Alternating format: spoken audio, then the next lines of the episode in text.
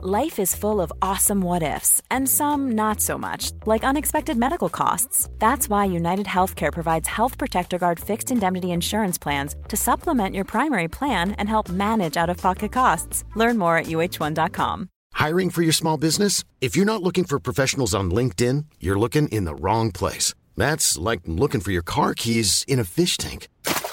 LinkedIn helps you hire professionals you can't find anywhere else, even those who aren't actively searching for a new job but might be open to the perfect role. In a given month, over 70% of LinkedIn users don't even visit other leading job sites. So start looking in the right place. With LinkedIn, you can hire professionals like a professional. Post your free job on linkedin.com slash people today.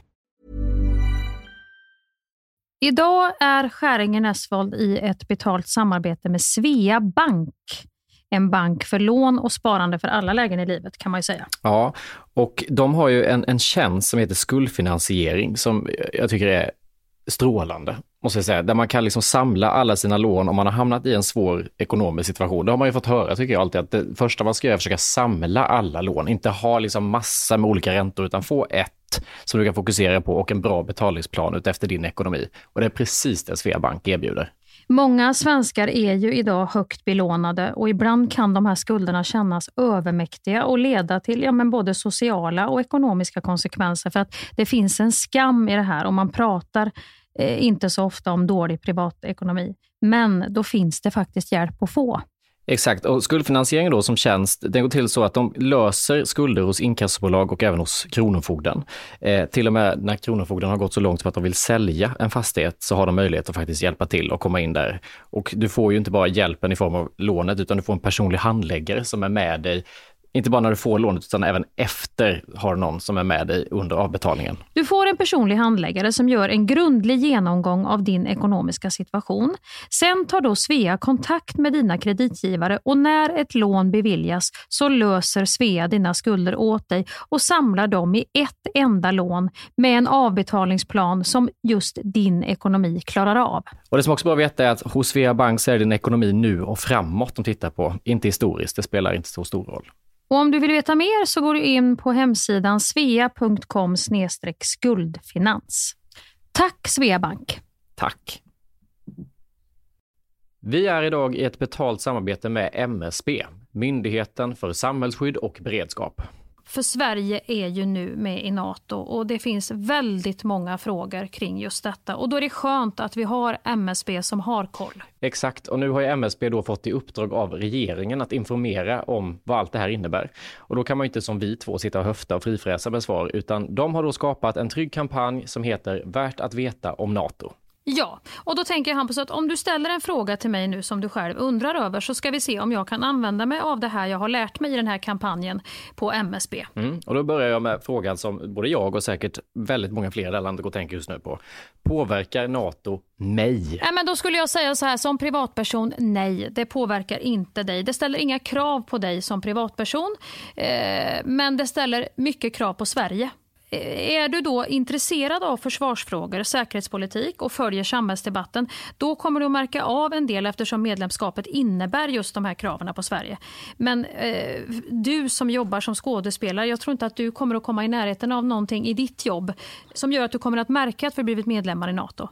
Det vi däremot kan märka av som privatpersoner, det är ju att det pågår mer militärövningar eh, liksom i vårt samhälle, i vårt land tillsammans med andra NATO-länders militära styrkor civila övningar och att det är mer fokus på totalförsvarsfrågor på till exempel din arbetsplats. Om du nu arbetar inom samhällsviktig verksamhet. Men allmänt, alltså NATO ställer inga krav på dig som privatperson, men på Sverige som land. Kan man säga så? Svar ja. Och då är frågan också, är det i NATO en för alla, alla för en, som man har hört? Eller inte? Ja, ett angrepp på ett medlemsland är ett angrepp på hela alliansen. Och ett attackerat medlemsland ska då få hjälp av de övriga medlemmarna i Nato och varje medlemsland beslutar själv då vad de ska bidra med. Är vår säkerhet verkligen hotad? Ja, men risken att Sverige hamnar i ett krig är låg. Och Det kan ju vara en bra eh, liksom information som kommer direkt från MSB att förhålla sig till när tankarna far iväg beroende på vilka tidningar och sajter man är inne och, och bläddrar i. Och om vi nu är med i Nato, behöver vi då ett eget försvar? Eller? Ja, alla medlemmar i NATO måste ha ett eget försvar. Och det här var ju bara några av alla frågor som vi eh, besvarade i den här podden. Men har du fler frågor och vill ha svar så kan du gå in på sajten msb.se nato och läsa på. Janne Josefsson har vigt sitt liv åt att på olika sätt jaga sanningen. Oanmäld har han stövlat in i intet ont anande människors liv. Idag bor Janne på hemlig adress bakom en skottsäker dörr och tar aldrig emot besök. Men det ska det bli ändring på. För i den här podden så är det Janne som inte vet vem som ringer på hans dörr. Herrejävlar vet du! Alltså, det är inte klokt! Hur många pinnar har du? Pinnar? Alltså hur många olika människor har du? Knullat med? Ja. Vad flinar du åt pepparkaksjävel? För det var vad en patient sa till mig när jag räddade livet på honom. Jag måste gå på toaletten och pinka. Paul på Play presenterar stolt oväntat besök hos Janne Josefsson. Jag träffar människor som är så öppna. Det är ju... eh, det blir på riktigt. Det blir på riktigt. Oväntat besök hos Janne Josefsson finns där poddar finns.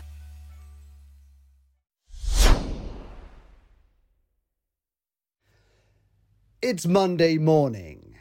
Miles apart, Mia and Hampus are sharing the struggle of cutting through a jungle of emotions with a psychological machete. Could the two also be Jaggeri with guns, or will they be forever damned as mushroom pickers? Anyway, this is Hueringer and Nesfold, a quite confident Polpo production. Welcome to whatever episode this might be. Just idag är jag stark Just idag mår jag bra Jag förs framåt av kraftiga vindar.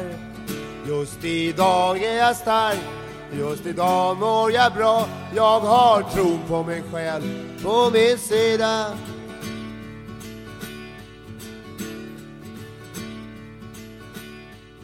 Ja, ska vi riva igång detta också då? Ja, men nu kör vi Hampus. Vi håller i. Vi... Vi får väl lov att börja lite grann i liksom vårt mentala, andliga, själsliga tillstånd som vanligt. För det är väl där det, det är väl där vi får liksom gräva det hålet vi ska stå i idag.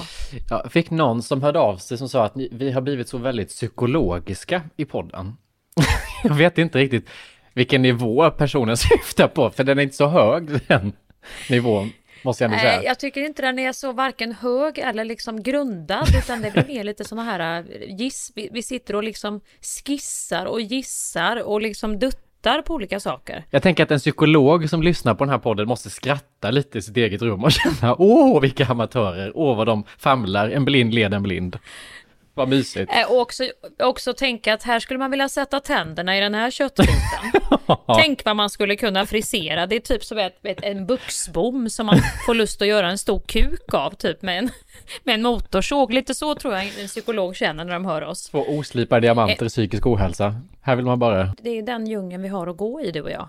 Ja vi kan ju bara vara de vi är, där vi är. Ja, och sen är det ju lite så för både dig och mig att vi kämpar ju dagligen med machetes för att komma fram i den här djungeln. Ja, du har i och för sig haft ett jävla flow Jo. med din machetes här i det sistone. Den gick ju fort, den luften kan jag säga. Fan alltså. jag kände, det är också någonting när man säger saker i en podd, då hör ju folk det, Ja. så nu bemöter ju människor mig med samma energinivå som de tror att jag ska ha, men den luften gick ju mig efter den poddinspelningen. Du, det där är farligt Hampus. Så nu blir det Det där är jättefarligt. Det är livsfarligt. Samma sak när jag ber om ursäkt för någonting så är folk sådär, nej men du ska inte be om ursäkt längre. Ja. Jag har lyssnat på podden, du ska inte säga så. Säg inte det nu. Nu ska du stå bara, på dig Hampus. Heja jag. dig, heja dig, vi tror på dig Hampus. Säg nej, säg ja. Fy fan, nu är man tillbaka i sina gamla mönster igen. Det gick fort. Men det är lite som att du vet säga att man har slutat röka. När man bara har hållit upp i fem timmar liksom. Och sen springer man och köper ett paket cigaretter och, och sitter bakom något uh, cykelskjul och röker så in i helvete. Men är inte det ändå det de för, säger att man ska göra när man ska sluta röka? Att man ska berätta det för så många som möjligt för att det ska bli svårt för en att upprätthålla röklivsstilen? Nej men jag tror inte det funkar. Det är lite som det här du vet för, för, för tjejer liksom att man ska inte springa ut och säga att man är gravid för tidigt för att det måste gå ett x antal veckor. Ma- Man ska liksom hålla, hålla på saker ett tag innan man basunerar ut för världen för det kan bli så jävla högt fall annars. Det kan bli så sorgligt. Ja men om man tror att man är en person nu som du trodde förra veckan som sätter gränser, bejakar livet, här kommer jag, här kommer jag och sen bara eh, fälls det ner en vägg i gympasalen och så hade man inte tillgång till de redskapen man trodde. Då blir det jobbigt. Men jag fattar inte när man ska lära eh, sig, nu är ju jag en person som alltid säger, nu ska jag bli en person som, alltså jag får liksom infall.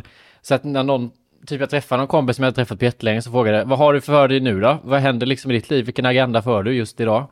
För att de är så vana vid att nej, men det har varit Göteborg. Sen hade jag en era i, i somras som jag skulle köpa hus på Öland. Flytta härifrån och sätta mig på en ö.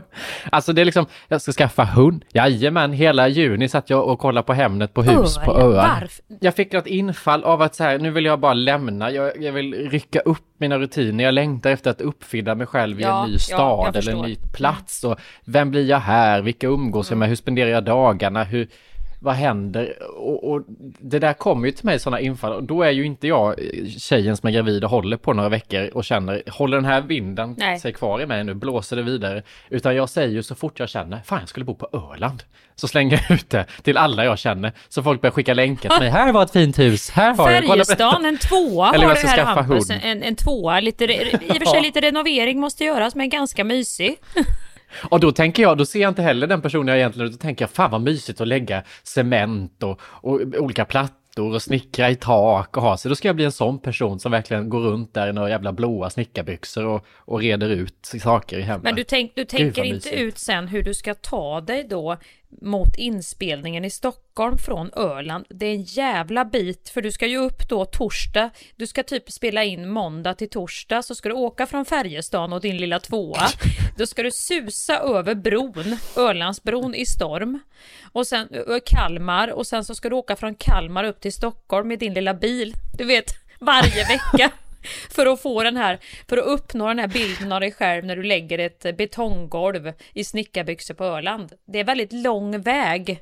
Då är det som att jag tar in de aspekterna, men de är inte ett hinder, utan då tänker att gud, då blir det mysigt. Så som när jag pratade om Göteborg också, allting är bara positivt när jag väl är i den känslan. Du är välkommen till Göteborg. Sen när den går ur, då är jag helt jävla anti och då fortsätter folk fråga hur går det med hus, hur går det i Göteborg, hund, ja, detta? Ja. Och då säger man såhär, nej det blev inget, jag kände nog själv att det där var det är inte riktigt min grej, utan jag tror jag ska vara kvar i Stockholm nu. Och den, den dramaturgin i mitt liv är det alltid, nej men jag tror jag ska vara kvar i Stockholm nu. Och jag ska ändå försöka där jag är och, och reda upp ett och annat. Eller jag ska nog inte ha hund, det blir inte så bra nu. Eller jag ska inte göra detta. Paris skulle jag flytta till i våras också ett tag, ett halvår skriv. Det är så här. Du skulle bo där sådär. Jag tänkte så här, men eh, att åka en, en weekend till Paris torsdag till söndag, absolut. Men du skulle vara där i tre månader utan någon agenda. Det var inte ens en franska kurs inplanerat. Utan du skulle leva den här tv-serien, vad heter hon? Amelie? Emily in Paris. Emily ja, ja, och med sin lilla page och flaxa runt där och äta ost och baguetter. Jag vet inte vad du skulle göra. Nej, jag vet inte heller, men det är som att det blir, jag känner det så starkt. Alltså, och så har det varit sedan jag var liten, du vet, att när man, om jag var på skidsemester, så skaffade jag mig en skidblogg sen och skulle börja liksom köpa in massa olika grejer och driva detta så hårt. Och, och hade jag varit pullare och köpt nya outfits, då skulle jag helt plötsligt börja fota mig själv och vara mannekäng liksom på, ja. på olika sociala medier. Och skulle jag börja gymma så gjorde jag ett gym i källan och gjorde liksom olika scheman och men grejer du, som man Men det, vet du vad, då, är, då, då, kan man egentligen säga så här Hampus, säger jag nu som den här påhittade psykolog, psykologmänniskan här. Då kan man ju säga att du har valt helt rätt yrke. För att allt det här som du vill påbörja, det är ju ändå en skådespelares eh, liksom, främsta uppgift att kunna gestalta olika ja. liv, olika människor. Så att du kan, ju, du kan ju vända på hela skiten här och tänka att fy fan, vilken bra personlighet du har egentligen för att syssla med det du gör. Jo men det är ju ändå, absolut. Vet du, jag har hört många, jag såg faktiskt Ann Petrén senast på Nyhetsmorgon i morse, en fantastisk skådespelerska. Eh, hon har kommit ut med någon sån här eh, biografi nu, så sa hon att hon har ju många gånger i sin karriär funderat på typ bli tapetserare och möbelvårdare och såna här jävla grejer. Och det är väl det, är det inte, är det inte många, jag tror många skådisar eller komiker eller sådana som jobbar, att de hela tiden det är så jävla mycket tvivel i omlopp och så dålig självkänsla periodvis och så mycket ångest så att det, det känns alltid lättare att välja Färjestaden, Öland, möbeltapetsering, keramik eller något sånt där. Ja, och det, det är mer en sån här känsla om att man vill ha inre frid tror jag. Det är nog sant, absolut. Sätt mig vid en sån här jävla drejskiva och en lerklump. Jag lovar dig, jag kommer att tröttna efter 20 minuter och jag ska sparka på den och, och jobba upp och ner med en fallos så här i lera. Du vet, som, det är ju ett jävla eh, plockepinn. Men hur motar man de känslorna i grind då? För att jag, jag kan ju tycka att det går lite för, i, i, när man är barn och börjar starta upp sådana här projekt för att man blir helt passionerad i någonting. Det var ju liksom lite gulligt, men i vuxen ålder när man Ja men som, jag spelade tennis i somras en gång och sen så köpte jag världens dyraste tennisrack och skor och outfits och dem har jag inte använt ett skit sen dess. Eller när jag köpte tv-spel och tänkte gud vad mysigt, då kommer jag hem efter lång arbetsdag och så spelar jag tv-spel Ja. för att slappna av. Jag har inte rört det tv-spelet sedan i augusti. Nej. Alltså kan man bara så här stanna upp innan man följer de impulserna för att det blir ju liksom mycket pengar och idéer som slängs upp som man inte riktigt... Och lite, lite utdelning. Men är det inte det att du byter hela tiden? Vissa har ju det här att nej men när jag kommer hem och de människorna blir man ju så jävla avundsjuk på. Så känner man att när jag, kom, hör man liksom, när jag kommer hem då brukar jag påta i min trädgård för det ger mig så mycket ro. Eller jag, jag målar alltid akvarell eller jag eh, drejar då. Eller, men allt det där. Vi drejar ena veckan. Ja. Sen målar vi akvarell andra. Sen ska vi bli tennisproffs. Eh, se- Sen ska vi suppa och då köper vi en bräda men det blir aldrig någon regelbundenhet i någonting. Och, och just att man inte kan göra någonting lite grann, utan då ska du göra det, då är det hela tiden nu. Nu, Ja. nu är det detta som gäller. All min vakna tid, nu ska jag fan bli bäst på Ja, detta. men det blir bara en vecka så att du blir Ja. ju aldrig bäst. Utan det, det är ju liksom en veckas all in insats och sen var det slut.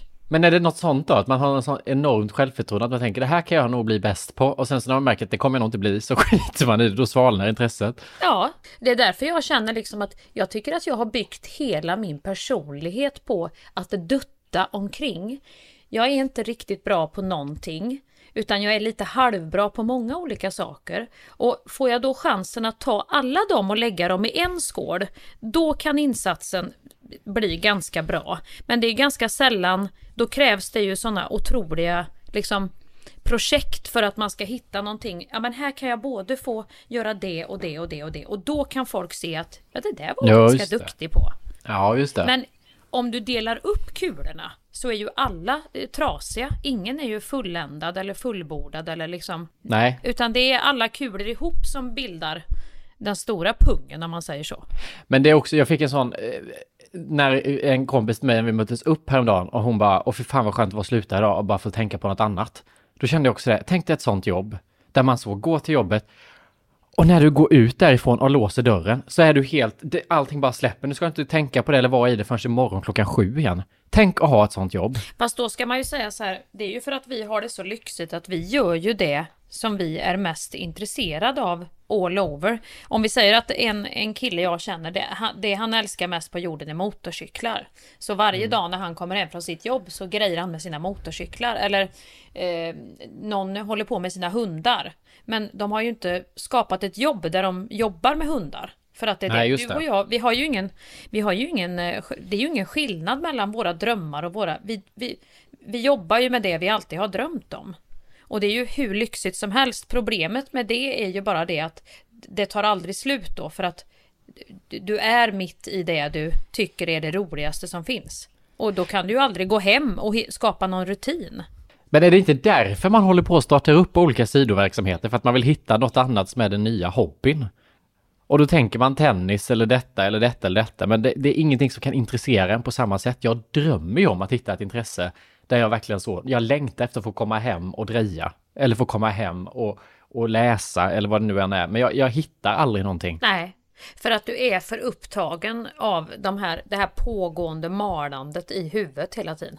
Jakt var jag inne på nu senast om jag skulle börja starta upp en liten... Nej, snälla, det orkar jag inte. Att du ska börja med såna här knähöga strumpor och köpa en sån här, du vet, Basset håller jag på att säga, en sån här hund. En limpa med långa öron. och någon, någon åka med, ska du med Schyffert och Herngren ut och skjuta vildsvin i något skotskt slott? Nej men jag och såg en... därifrån med mig. Jag såg en dokumentär om Leif GW. Det såg så jävla mysigt ut, de här gröna kläderna. Så hade på någon sån liten sittstol. Som han liksom pratade om och så skulle de ut och stå i de här tornen och de skulle vara tysta. Sen grillade de Ja. korv och ta en whisky. Ja, då romantiserade jag det. Fy fan vad trevligt. Där finns ju inte utrymme för någonting annat. Folk frågar ofta varför jag jagar. Det finns naturligtvis många skäl. Man får vara i fred. Man slipper frågor som man inte vill svara på, som varför man jagar till exempel. Det är skönt att komma ut i skogen. Fast egentligen, egentligen handlar det om något annat. Jack går ut på att döda djur och det finns ingen anledning att hyckla om den saken. Nu är ju GV liksom, det är ju där alla, alla, liksom, det är där alla vill hänga och det är inget fel på det, men jag tänker mer liksom det är väldigt också mycket, mycket om och kring för att komma ut i skogen lite grann. För om du pratar med någon så oftast är det, ja men det är ju att man är ute i skogen så mycket. Det är det som är det mysiga. Och jag tänker, måste man skaffa den här utrustningen och vapen och grejer och skjuta för att få komma ut i skogen? Ja, men om man kan tänka sig att man jagar utan att skjuta då? Att man, kan du inte man... börja plocka svamp? Räcker väl? Nej men fy fan vad tråkigt. Det finns väl ingen samhörighet i att plocka svamp? Ta, ta, en liten korg och så går du ut med någon annan. Du får ta någon annan än GV. Jag men kan följa med dig. Du... Kan du se GV och gubbarna sätta sig? Okej, okay, då tar lag ett den delen av svampskogen, lag två tar denna och så möts vi sen i eftermiddag ja, och sammanställer. Snälla Hampus, jag kan bygga upp allt det. Jag kan ta med mig en falukorv och sitta så här bredbent med magen i vädret och, och, och skära upp en sån här, en, en kurv med morakniv som jag spettar upp och ger dig och så häller jag upp en kopp kaffe och så sitter vi och muttrar lite och så har vi plockat några svampjävlar, inte vet jag vilka, men det är väl några kantareller och några sån här sopp, någon sopp har vi hittat. Och så kan vi sitta där och muttra lite grann och prata om vilka djur vi ser och hur skogen mår. Och så kan vi ta en whisky. Fy fan, ta en whisky efter att vi plockat svamp. Du vet, det är någonting vi behöver få in det farliga i det här. Då får vi plocka svamp med en riktigt stor kniv eller liksom skjuta av svamparna eller någonting. Så man ändå får in det här på liv och död-grejen. Kan, kan det inte räcka om vi gör en kantarellstuvning och tar ett glas rött efteråt då? Kan vi inte, räcker inte det? Då vill jag sitta tryggt och lugnt och varmt någonstans. ja men jag kan väl hitta någon liten, det finns väl något gästgiveri? Vi kan väl, vi kan väl gå i någon skog som är nära något spa eller något gästgiveri där vi kan smita in sen på. ja men då blir det att vi bara åker till Sankt Jörgen på spa istället. Till, skippar hela den här skogsdelen. Ja, men du, vad fan, okej, vi, vi, vi kan väl prova, vi kanske skulle prova att ge oss ut och jaga någon gång då och se om det finns någonting där för oss. Men jag tänker att jag skiter i böss. Jag bara har någon så här, för jag har ju folk i Småland därifrån som jagar. Oktober då är det älgjakt och jävlar. Och där blev jag bara, fick en sån känsla att fy fan jag vill följa med. Jag vill inte själv bära vapnet. Jag vill bara ha kläderna på mig, vara med när de så här möts upp på morgonen, tar morgonkaffet, lite blåbärssoppa. Ja, ja, och sen ut och stå där i tornet och bara titta. Att det kändes som en mysig... Du är något på, på spåren här för jag tror det är den här grejen just med bössan. Den tror jag inte du kommer, kommer runt för att Nej. när du får en bössa i, i, i hand, eller vad man säger på axeln, då blir det skarpt läge. Då blir det spännande och farligt. Då kan inte du hålla på och tänka på hur du ska fladdra ut i scen 3 Peter Pan. Nej. 24 eller vad det är nu. Nej, är nu. det är helt ovidkommande. Om det nu kommer att mullra ut en älgtjur här. Så då är, du, då är du liksom på plats. Det är lite som paintball när man springer och ska bli skjuten in i någon gammal ruin, eh, uppbyggd ruinstad, du vet. Då är man ja. också det går inte att hålla på och tänka då. Nej men du behöver det där vapnet som gör att det känns liksom på allvar. Alltså plocka svamp, det är så ofarligt. Det här vapnet gör att alla skärper till sig. Vi måste du kan liksom få borrelia och TBC när du plockar svamp och det är inte ofarligt. Maria, menade du TB? Ja, den spänningen är ju för sig intressant. Man får leta i varandras arslen när man kommer hem efter svarta prickar. Nej du, det var ingen idag. Fan också. Jag som trodde jag skulle få gå ut och balansera på kniv, knivens ägg. Usch. Var femte fästing har ju på borrelia. Nej men man kanske bara hade kunnat göra någon sån utflykt som i skolan då. Du vet man går till ett jävla vindskydd och grillar korv och ska bygga någonting. Det, ja, det kanske räcker. Det jag bara vill åt det här ja. lite skitiga, du vet. Jag vill egentligen inte göra det här men känslan när jag kommer hem kommer vara så god. För att jag har varit ute hela dagen och jag har mått lite piss och det har varit lite allvar. Om vi nu ändå duttar runt och provar olika saker. Vi kanske skulle se om vi kan få följa med någon ut en helg och jaga lite. Jag tänker skäringen Näsvold på jakt är ändå en rolig idé. Nej, jag vet inte om jag skulle kunna skjuta ett djur. Nej, det, det, men det är jag ointresserad av den biten. Jag vill bara vara med i mystiken och i tystnaden ja. och meditera där ute. Mm. Men jag kollar på The Crown just nu och där så går ju alltid eh, The Queen Elizabeth och hennes yep. pappa ut på jakt där de ska slappna av och då fick jag någon sån, oh gud mm. det här kanske är någonting. Så nu har jag gått in i det istället. Jag är bara rädd Hampus att du kommer skaffa hela den här utrustningen Just som jag säger med de här strumporna och skorna och det. Du kommer inte, vet, GV han kan sitta i sina gamla skjortor och han har jagat så länge men när, de, när nyfräsarna kommer då köper de både den här, den här lilla mössan också vet du. Ja. Då, då köper de allt innan de ens har fått ordning på geväret. Och sen måste vi ju gå sån här skjutkurs också. Jägarexamen.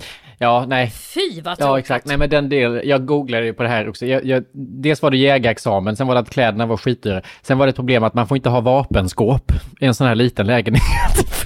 Jo, I en tvåa på. Färjestaden kan du ha vapenskåp, det kommer ingen att märka.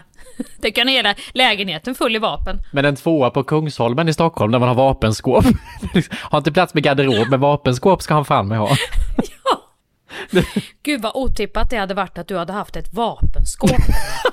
Lite obehagligt faktiskt. Usch, och det går inte att dölja det någonstans. Det skulle behöva stå öppet med i sovrummet typ. Och så ställer du ett sånt där bebishuvud på med ett ljus i fontanellen. Där blir det, då blir det inredning på hög nivå. Den sökningen, shabby chic vapenskåp. Jättekul. För en, en skådiskille som vill slappna av lite grann på helgerna. Men det är typ så. Du vet, det är ingen trygghet i det skåpet. Råkar du sparka till så faller hela dörren av. Men jag upplever att vissa män har vapenskåp hemma med vapen för att de typ har jagat en gång eller hade ambitionen att de skulle börja jaga, så gör de inte det. Men Ja. det där vapenskåpet Ja. symboliserar någon typ av manlighet bara för dem. Ja. Att de har det. Jag tror det är som golf, golfset också. Vissa köper på sig så jävla många järnnior men de har aldrig ens fått till ett sving med de här klubborna. Men där ska de stå de här golfklubborna. Ja men du vet ridgrejer också. Innan man ens rider på rätt sittben så har man köpt stövlar för tiotusentals kronor liksom. Nej du, vi får det bättre, vi får, vi får bida våran tid och se vad det är. Men, men absolut, jag skulle kunna tänka mig att bara följa med ut en helg.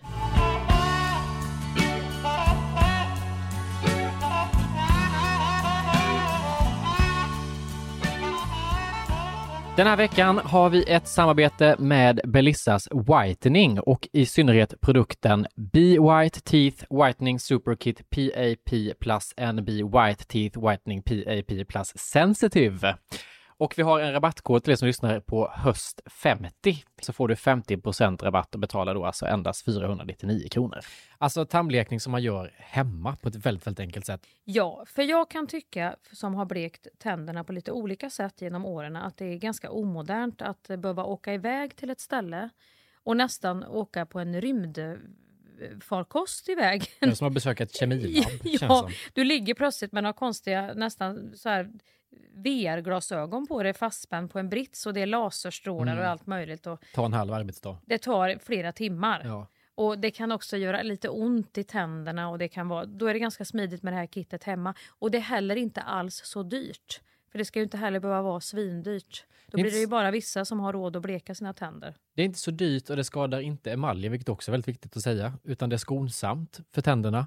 Och är du inte nöjd, det här tycker jag är bland det bästa, så har de 100% nöjd kundgaranti, vilket innebär att är du inte nöjd så får du alla pengar tillbaka. Det är ju också Hampus lite olika eh, typer av blekning. Det finns ju en, har man väldigt mycket ilningar eller känsliga tänder så finns det ju just den här sensitive PIP som du kan göra. Och, och du gör det enkelt, du, du gör det i olika omgångar och redan efter första omgången så kan du ju faktiskt se skillnad. Ja, jag tycker också det är väldigt skönt att få göra det här hemma, för att när man ska gå på det här stället, som vi pratade om, man åker iväg och hela den upplevelsen, då känns det som att man gör ett stort ingrepp, som att man inne och liksom gör om sitt utseende. Och Ja. Det här blir bara som att nu puffar jag lite, som att jag noppar lite ögonbryn, jag klipper lite toppar, jag Ja. klipper naglarna, jag, Jag färgar ögonbrynen Ja. och det kan du ju förslagsvis göra samtidigt. En Exakt. riktig helrenovering. Du tar lite PIP, sensitiv där, du tar lite ögonfärg här och noppar några bryn och sen har du ju en riktig känner du skjuts. lite lyxig sen. Ja. Så att, eh, gå till Belissas Whitenings hemsida www.belissas.com och eh, ange rabattkoden höst50 så får du 50% rabatt och betalar då alltså endast 499 kronor. Tack Belissa! Den här veckan har vi ett betalt samarbete med Hello Fresh där vi till er har en rabattkod HelloSN där ni kan få upp till 969 kronor rabatt på era fyra första kassar om man ännu inte provat Hello Fresh. Och vad jag har märkt hos mig själv som jag tycker är en ganska bra egenskap som HelloFresh puttar lite på, det är ju matsvinnet. Mm. att jag har väldigt svårt att anpassa hur mycket mat jag ska laga. Mm. Jag höftar alltid. Och jag höftar ju så att det blir ju alltid en sån här kastrull som åker in med rester. Mm. Och rester är ju aldrig någon speciellt intresserad av att äta. Nej. Men här har du liksom redan fyllt i. Här har du de här fyra portionerna. Och när det här är så liksom lite fin och, och bra mat du lagar med efter ett recept, då blir du också lite noggrannare. Så att är det då att det blir en portion över, eller att någon nu inte kommer hem till middagen för den skulle göra något annat, då åker den lilla portionen ner i en matlåda. Mm. Så att matsvinnet har ju minskat något oerhört Ja, det är mig. faktiskt underbart. Och det tycker jag är positivt. En annan aspekt som jag också lagt märke till hemma hos mig som jag inte tänkte på när jag fick HelloFresh första gången, det är att jag får ju en väldigt sexig kyl. Det tycker jag också man ska väga in. Fan vad det ser gött ut hos Det nu ser gött säga. ut, ja. Och det är Färska också varor. papperspåsar Ja. med lite krispiga grejer i. Det ser exklusivt ut så fort, man, jag, så fort folk kommer hem till mig nu så är det liksom, ska ni inte kolla kylen? Sugna på någonting? För att jag har så mycket och att då vill visa. du gärna ha det i början av veckan när det är riktigt uppfyllt. Ja, sen tar jag inte hem någon. Sen kan du inte börja ta Nej. hem när det, när det är liksom Nej, nej. bara någon liten gurkstackare som ligger kvar och Onsdag kommer i- HelloFresh och på torsdag har folk en inbjudan. Ja. Så har det blivit nu kommande senaste veckorna. Så får det vara. Och med koden så kan nu även du gå in och eh, få 969 kronor rabatt på dina fyra första kassar. Om man inte har provat HelloFresh så ska man göra det nu och då tar man koden HELLO SN som i Skäringen Esvold. Ja. Stora bokstäver.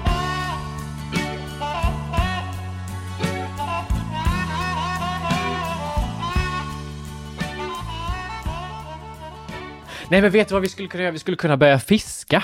Det är inte så tokigt du. Där har vi. Där har du spänningen.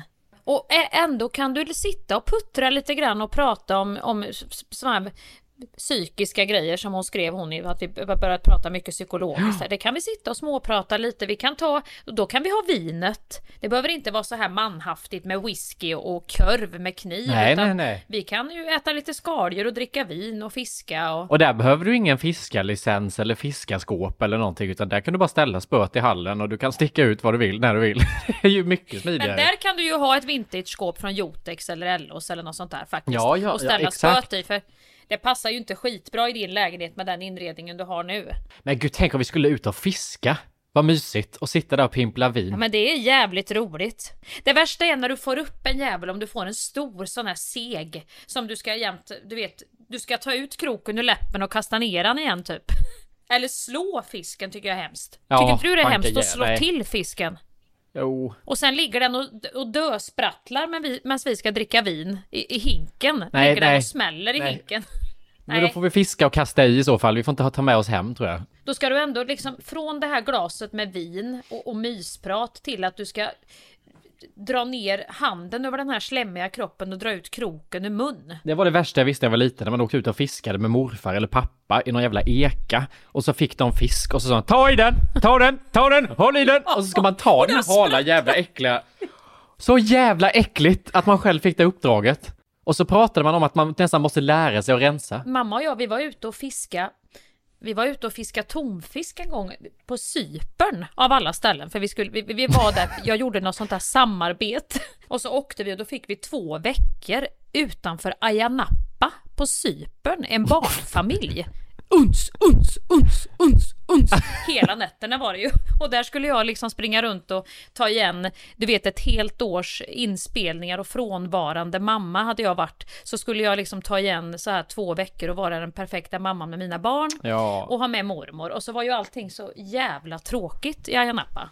Tråkigt och äckligt och liksom fulla ungdomar överallt så hade vi två sådana här happenings vi gjorde. En dag åkte vi ut och skulle titta på fiskar i någon båt med glasgolv. Det enda vi såg var cyklar och stövlar och skräp. Det fanns inte en enda fisk. Vi satt och stirrade ner i det jävla glasfönstret det var bara skrot på havets botten. Skrot och skrot och skrot och det kostade hur mycket som helst. Och sen andra dagen sa jag, nej nu jävlar, nu, nu ska vi se fisk. Inga mer tunnor och cyklar nu, utan nu ska vi se fisk. Så då tog jag med morsan ut och fiskade tonfisk. Och min mamma är ju en bra fiskare, hon fiskar mycket gös och stora fiskar. Men det här var ju... För det första gick det ju så jävla hög sjö, så jag trodde ju vi skulle... Alltså, ja, vi höll ju på... Om vi inte kräktes så var vi nära på att ramla av den här båten hela tiden. Och sen skulle man ha ett skärp på sig där man sätter fast. Har du sett när de fiskar tonfisk? Ja, ja, ja. Du brottarskärp där du sätter spöet emellan benen som att det är en stor dase. Där, där var Leif GW i lä kan jag säga dig. När morsan och jag får på, får på oss. Det var ju, vi var ju som Captain Barbosa och Jack Sparrow du vet på den här båten. Och den gunga och vippa och på med de där äh, böna i det här hålet. Och sen skulle man hålla då och när man fick napp så skulle man Roll the line skrek han till oss och vi rullade och rullade. Och sen fick vi ju upp du vet. Alltså det var ju jag har aldrig sett så stora fiskar som mamma sen rensade i hotellrummet i badkaret. så det såg ut som vi hade styckmördat någon där inne på den här lilla resort. Jag sa, vad håller du på med? Hon gick ut och hämtade föreskärare. Du vet det här lilla pentryköket som fanns i det här hotellrummet. Och sen började hon att stycka den här fisken i badkaret. Gud. Det var ju blod överallt. Tog hon med den hem till Sverige med att hon la i allting? Nej, hon stekte upp den sen på den här lilla spisen. Och Ja. hällde lite gräddsås Ja, och okej. soja på. Det var skitgott. Herregud. Hade man lagt ut det som eh, reklam för fritidsresor då vet jag inte om någon hade åkt med det bolaget. Livet består av 29 000 dagar. De tar folk slut alla dagarna. För livet är inte dagarna som passerar. Det är dagarna du minns.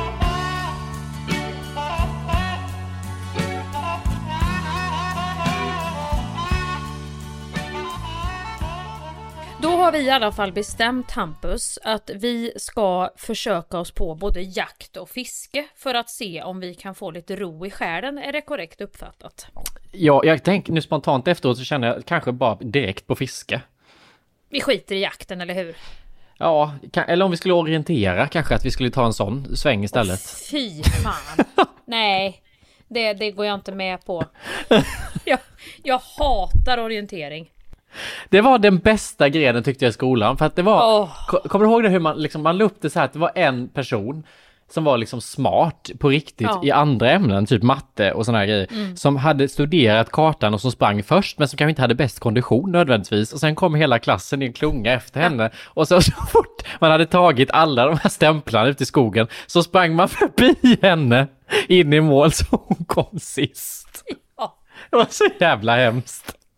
Men du, jag hade en nål. Vi kollade hur de här, för det var ju stämplar, så tittade man bara, ha, så tog man en lagom bred nål eller spik och så gjorde man exakt de hålen Jaha. som det var på stämplarna. Så att man låtsades att man hade sprungit och så satt man och tjuvrökte någonstans typ. Ja, det var ju också smart i och för sig, slapp man hela löpgrejen. Men du, jag hade också en, en gång var jag nära att vinna och då skulle den jäveln sätta sig och skita som jag var med. Ba- Bajsa i skogen. Så Va? Den sinkade så fem stycken liksom kom. Två klungor kom förbi oss under tiden. Där kan vi prata om psykologi. Vad är det som smäller till då? Vi ska vara ute och jogga i en och en halv timme och just då ska leveransen komma. Kan man inte bara hålla tillbaka den? Jag menar, vi gick ändå i åttan. Ja, man kanske sprang igång magen då? Gör man inte det när man springer och går, att magen börjar jobba? Förmodligen hade det festats helgen och det här var en måndag så att magen var inte riktigt i balans. Och så var Nej. det första lektionen på måndagen vi skulle ut och orientera och där hade du hela helgens kir, körsbärsvin, dessertvin hade vi väl söper på eller någonting. Eller, eller kall vinglögg. Det är bra för magen. Så att nej, orientering där, där har du inte Nej. mig. Alltså jag tycker det är... Vi låser fiske då. Fiske är bra, det är öppet och härligt. Den här murriga skogen, den, den är inte jag... Inte om Nej. man ska jäkta. Då vill man bara sitta i en glänta tycker jag. Och dricka kaffe. Direkt på Ja. smörgåsen och kaffet. Men du, om jag vore borta nu så skulle jag fundera på att gå hem. vi, vi måste ändå tacka alla lyssnare och säga hej.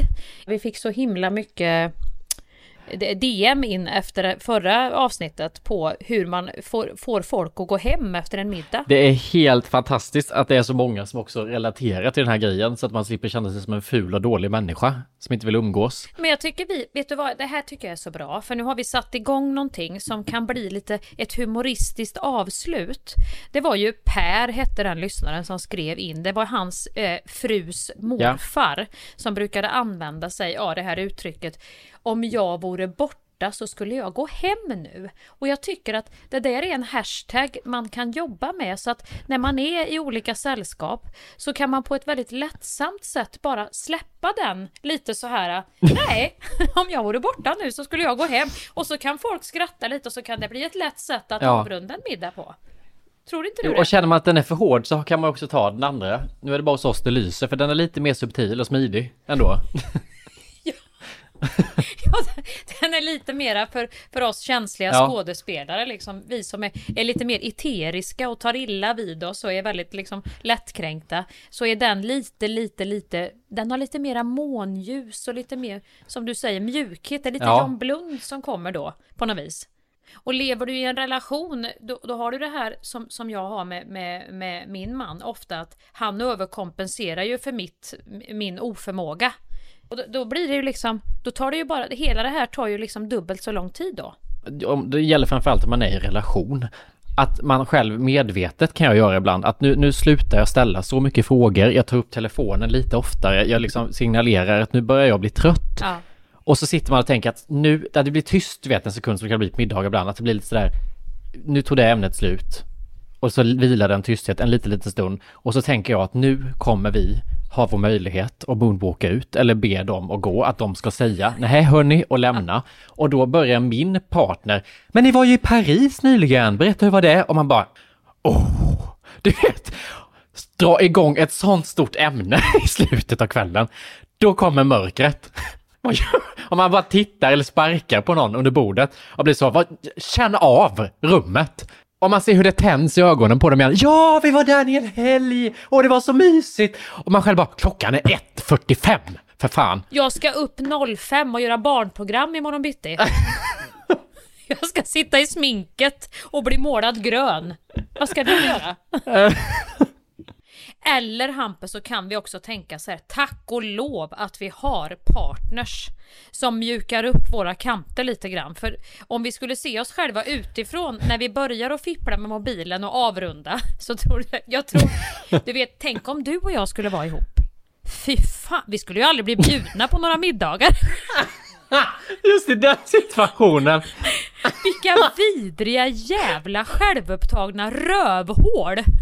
Båda går och lägger sig på sin egen middag. Vi ligger där inne i sovrummet med våra mobiler och kollar Instagram och, och, och, och väntar på att vi ska höra hur de går. Har de gått? Kan du gå ut och titta? Kan du kolla om de har gått än? Titta om de har gått. Lås dörren. Nej, det är en jävel kvar. Sofia och Lars är kvar De fortfarande. Vad i helvete frågan? Men, men hur hade du tagit, för jag har ju inte, i och med att jag inte har några barn att skylla på när jag behöver dra eller någonting, så har jag ju en tendens att skylla på min partner, vilket ofta gör partnern i fråga ganska sur. Och så skulle jag göra, om vi var tillsammans så skulle jag göra så också att nej, Mia eh, vill att ni går nu för att hon, hon har haft så jävla dålig dag, hon har haft detta, detta, detta. Jag skulle alltid lagt det på dig. Hade du kunnat vara den? Eller hade du blivit vansinnig? Då kan vi väl säga att du har fått en spik i foten eller magsjuk istället. Det blir ju... Nej, jag hade faktiskt blivit lite sur då. Om vi alltid skulle ta det på mig. För att jag, jag blir ju den här... Jag blir ju uppmålad som Ior med ett regnmoln över sig. Som, som, som bara går runt och aldrig är nöjd med någonting. Men då skulle ju alla börja fundera så här, vad gör han med henne egentligen? Han verkar så pigg och alert, men hon är ju väldigt sliten och trött. Hon är ju så hjärntrött stackarn. Men undrar då om man måste ha åldern inne för det, för att om man själv skulle göra det skulle folk komma, hur är det? Är det okej? Ja, Mår du men om bra? du vore ihop med mig så kunde du ju säga, ja men nu måste Mia få gå och vila, hon får lägga sig på loftet lite. Gud, låter så. Nu måste mormor ta igen sig. Det låter ju inte bra. Det blir ju. Den är inte bra för relationen tror jag. Du skulle nog känna Nej. så här att du måste ändå liksom kanske jobba dig ner i åldersmässigt lite. Men det är också, vad hade man haft för andra tjafs i en sån relation? Jag kan ju tänka mig att du hade blivit vansinnig på att jag busar. Ja, det hade ju gjort att jag hade behövt ligga på loftet för jämnan. Att Alltså. jag ska pranka. Tänk vad, vad förargligt om du skulle pranka mig så här lite offentligt också. Förnedringsmässigt inför dina coola vänner och så. Ja, för det första skulle det ju vara världens konstigaste nyhet att du skulle komma ut och säga att vi har blivit ett par. Nej, vi började ju podda, vi har jobbat ihop länge, men sen kände vi att vi, vi hade mer att ge varann. Så att, eh, ja, nu är hon här ikväll. Det är Mia Skäringer. Kan du inte känna sådana här grejer i intervjuer? Ibland får man nästan lust att dra sådana här bara för att roa sig själv lite. Gud och sitta så och roligt att bara sitta och ljuga. Ja. Nej, det hade jag, äh, det hade jag älskat. Nej, buset hade jag inte klarat av. Det, det, hade, där hade, där hade vi fått en sån. Och det hade du ju tyckt var tråkigt då att du aldrig kunde busa till det. Fast jag tror jag hade gjort det ännu mer just för att du inte klarar av det. Det tycker jag är roligt. Det hade roat det hade, Vi hade klarat oss ett halvår på det kanske. Men jag undrar vad jag hade stört mig på med dig. Ja, vad tror du? Vad har jag för drag som du stör dig på bara så här? Jag vet inte, det är ju det där om man blir för, om man blir för lika liksom så kan ju det bli Om du hade haft mycket sån här att ena veckan så skulle du vara jävligt på G med grejer och sen andra veckan är du helt, då, då, då är det klart att då hade jag kunnat bli lite provocerad av det. Att du hade en sån jävla framfart ena veckan och nu ska vi och nu ska vi och sen, sen är det ingenting andra veckan. För så är jag ju Ja, själv. Så, Så då hade ju vi blivit oerhört liksom. ja, då gäller det att de är i synk säga? och samma intressen och samma energi vid samma tillfälle. Annars är det ju ett helvete. Annars blir det otakt om man säger så. Då blir det Ja. hela tiden. Relationsmässigt knulla i otakt om man säger liksom. Ingen, ingen takt. Det är bara två magar som smäller mot varandra. Åh herre, undrar hur länge man hade stått ut i den relationen. Det hade inte varit mer än en termin. Och sen tycker jag vi hade sett fruktansvärt. Tänk om vi skulle gå ut på Rish ihop du och jag. Och stå i baren. Jag hade dött. Det hade ju sett så. Och så att vi har ljust hår båda två nu med lite mörk botten också. Vi kanske kan vara med i samma musical på Oscarsteatern eller något och spela.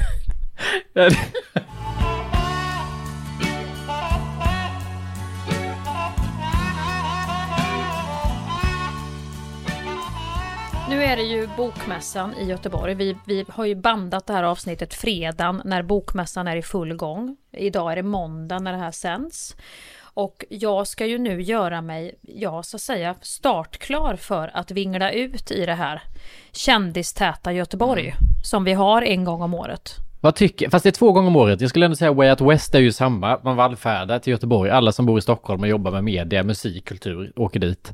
Vad tycker göteborgarna om det? Jag tror att de flesta tycker det är skitkul för att du har ju aldrig sett så mycket eh, kända, alltså så mycket offentliga personer eh, i dessa eh, glasfönster av restauranger på Avenyn. Du, du får ju, där får du ju som jag då om du har lite social ångest, då får du verkligen hålla på med orientering och kontroller och en karta den här helgen om du ska undvika den här oktoberchocken. Men- Det är inte bara elchocken vi pratar om i oktober utan det är också kändischocken i Göteborg. För att vi har ju aldrig, vi har ju aldrig några hos oss annars och nu är det ju liksom nu är alla, alla, alla där. Det är yoga, det är mat, det, det är liksom eh, alla kända författare, det är, det är tv-kändisar, det är skådespelare. Ja, det är så många eh, ansikten man känner Ja. igen.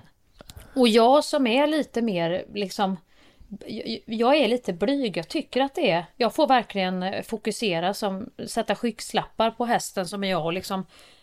Jag ska ju dit med min bok då för det var ju, det var ju eh, corona och allt var nersläckt och stängt när den släpptes. Så nu ska jag dit med en kvinnlig komikers dagbok, sitta och bli intervjuad och signera. Och jag hör att folk har liksom sån här makeup eh, personer och sånt här och kläder har de valt ut redan och jag är så kvart i rövhålet. Jag ska vara där imorgon. Jag har ingen aning om vad jag ska ha på mig.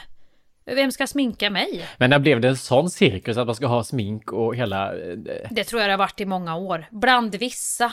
Bland vissa. Och det är klart, har du ett självförtroende, har du studs, så som vi kan ha vissa veckor, då kan du ju komma dit eh, liksom osminkad. Då kan du komma dit lite mer som Lale, liksom, jag är bara en sten i havet. Det är inte värre än så.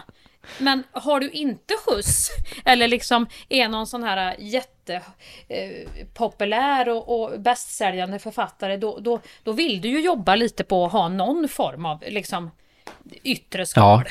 Då ska du ha med dig liksom både MUA, stylist och MUA? manager och ett helt litet, eh, Vad är MUA? liten makeup artist. Det där har jag aldrig hört. Som springer fram precis innan samtalet ska börja. Bara vänta lite så bara ta lite puder på näsan. Lite lugn där. Vänta nu, eh, du, eh, eh, vi har inte fått något inpasseringskort till min MUA. Så hon står utanför nu i bakdörren om du kan släppa in henne bara. Det måste du ha med dig. Okej, då måste jag hitta. Jag måste ha en MUA då. Ja, nej, det har jag har ingen MUA än, men jag, ska, jag tror jag måste ändå, jag måste få någon som hjälper mig att få ett ansikte i alla fall, för att det är inte mycket jag har ut och fladdra med nu känner jag. Men du får ju också jobba loss med fodora appen Du måste ju inte ut och veva på restauranger just dessa dagar. Ska jag ut på restaurang, då kommer jag ta, då kommer jag ta eh, opposite stadsdel nu. Då kommer jag ta en stadsdel där ingen människa någonsin Alltså, då väljer jag något helt annat. Nej, men jag får väl åka ut. Det finns ju både Alingsås och Borås inom räckhåll. Jag får väl åka till potatisstaden Alingsås och äta en bakad potatis med ost och räkröra. Vad gjorde du på bokmässan? du vet, vart gick du på bokmässan Mia efter? Ska ni på... Nej, vi tog min mua och åkte åt bakpotatis i Alingsås. Det är ju fräckt. Där har du något. Kan du inte föreslå att ni ska ha förlagsmiddag där ute? Med bakpotatis i Alingsås. Alla åker ut dit. Så får ni vara i fred. Det är mysigt. När ska bakpotatisen komma tillbaka? Det har jag undrat länge. Den var ju så... Den älskar jag. Det äter jag ofta. Ja, men så, det var ju så jävla populärt ett tag. Kommer du ihåg det? Det var smör i botten, smält ost, så kunde du välja kyckling, räkor. Det är svingott ju. Gud vad jag önskar att jag levde i en tid där bakpotatisen var ny och het och inte bowl. Utan att det var så, vill du ha bakpotatis med smörsky och lite så skagerrör eller kycklingcurry. Ja, det hade varit precis min typ av nivå av modernt. Det skulle jag säga är mest ångest med bokmässan och den här typen av event eller om man är på konferens och skit. Maten, för jag vet inte vad som har hänt med den. Allt ska vara kallt. Mm. Allt ska vara lite så jag åt någon buffé som någon bjöd på på något företag nu. där De hade haft en fest dagen innan och då hade de bjudit på vegansk buffé. Och så satt alla och sa gud vad gott det är, fan vilken god mat, vad är den här ifrån? Och sen när man kom ut så säger alla i omgången, fan vad äckligt det var, fy fan vad äckligt det här var, det här var ju det äckligaste man ätit i sitt liv. Och så tycker jag det blir hela tiden bara svårare och svårare och svårare och äckligare och äckligare, äckligare. Kan vi inte bara sätta en bakpotatis på alla konferensluncher? Men är det en trashig rätt Ja, eller? Är jag tror, lite- den är, alltså har... jag tror att den är väldigt eh, ute just nu. Den är som, eh, vad heter den här? Plankstek. När du får en sån här grillad bricka med mos. Är det populärt igen? Nej, Är det, nej. det är väl någon i Stockholm på Söder som har gjort någon twist Nej, på det, det, kanske? det kan du inte jämföra. Nej, men bakpotatisen tänker jag står högre i kurs. Den är lite ekologisk och lite sådär... eh, Ja, men har du sett ett enda ställe, Hampus, eh, som, som säljer bakpotatis? Jo, men om man Jaha. går till så här fik i bibliotek och sånt, då har de ofta Ja, bakpotatis. exakt. Fik i bibliotek, ja. Men du har ju inte, du har ju inte så här, Karl Fansen har ju inte börjat med bakpotatis vid Mariatorget, eller vad heter han? Som alla ska gå till och äta någon dansk stor köttbulle, eller vad det är.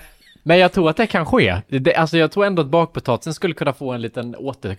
Alltså comeback 2022. Man kan, väl, kan man inte öppna en sån här food truck, någon liten, någon liten husvagn med bara ett hål i och servera bakpotatis? Det kan vi väl ha på, kan vi inte ha det där på, Östermalm någonstans? Hade inte Jo. Stureplan? Vi dundrar in på Stureplan och säljer bakad potatis. Fast då kommer det inte... Nej, för att om den ska göra comeback, då kommer det inte få vara vad den en gång var. Då ska det in och göras någon sån... Nej, då ska det vara löjrom. Potatis fusion, alltså asian fusion Yeah, bakpotatis. Med någon jävla... Baked potatis fusion eller då ska det vara baked potatis med eh, löjrom och, och lök och gräddfil och sådana lite dyrare grejer. Eller sriracha, sriracha-majonnäs och någon jävla jätteräka. Salmalax. Ja. Och fy vad äckligt. Nej, vi- du vill ju ha en sån här strimlad skinkröra då med, med massa ost och Ja. grejer och sånt där i. Det är också bra för att potatis har vi ju här i Sverige nu när det är bistra tider. Men jag tror att den här typen av rätter, för jag märker det, jag tycker att raggmunken håller på och, och, och smyger sig tillbaka ganska mycket. Raggmunk, ja. Raggmunk och fläsk. Och eh, sån här, vad heter det, bacon, stekt bacon med stekt löksås, eller vad heter det? Löksås med stekt bacon. Åh, fläsk med löksås. Exakt, den håller också på att smyga sig tillbaka på menyn här. Vet du att jag skrev det i Mina vännerbok när jag var liten? Så du kommer ihåg de där Mina vännerböcker? Så skulle man skriva favoritmat. Ja. Då skrev jag favoritmat, fläsk med löksås, önskar mig mest fred på jorden. och jag blev så jävla retad. Jag gick väl i trean eller någonting, att jag hade inte skrivit pizza eller hamburgare och pannkaka, för det skrev ju alla. Utan den lilla runda Mia, för jag var ju ganska rund när jag var liten, hade skrivit fläsk med löksås. Åh. Så jag fick sno den där boken av min kompis och riva ut den sidan. För jag kunde inte ha den kvar tyvärr. Fläsk har vi för ofta, lamm smakar som kofta, biff med lök är riktigt läbbigt. Jag vill ha blommig falukorv till lunch, mamma, något annat vill jag inte ha.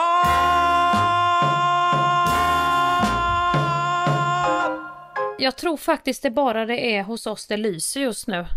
Du, jag känner av helt samma faktiskt. Om vi vore borta så skulle vi gå hem nu. Jag tror jag piper nu. Eller hur? Jag tror att lyssnarna känner, jag tror att det är lyssnarna som känner lite nu så här, om jag vore du så skulle jag gå hem nu. Känner Ja. ni som lyssnar lite grann om det här programmet överlag just nu? Hade jag haft denna podden då hade jag slutat för en, ett tag sedan. det läser vi in Och eftersom du och jag är så lika, det har vi ju sagt idag, om vi skulle ha en relation och vi är så lika så kommer vi ju att resa på oss ganska bestämt och gå samtidigt du och jag. Ja, och Eller det hur? gör vi nu. Vi släcker ner hela jävla festen, skiter i disken och tar, tar tag i allt imorgon igen. Kan vi säga så? Underbart. Tack för att ni lyssnar. Puss och kram. Puss. Just idag är jag stark Just idag mår jag bra Jag förs framåt av kraftiga vindar Just idag är jag stark Just idag mår jag bra Jag har tron på mig själv på min sida You have listened to a Polpo original, and that makes you amazing.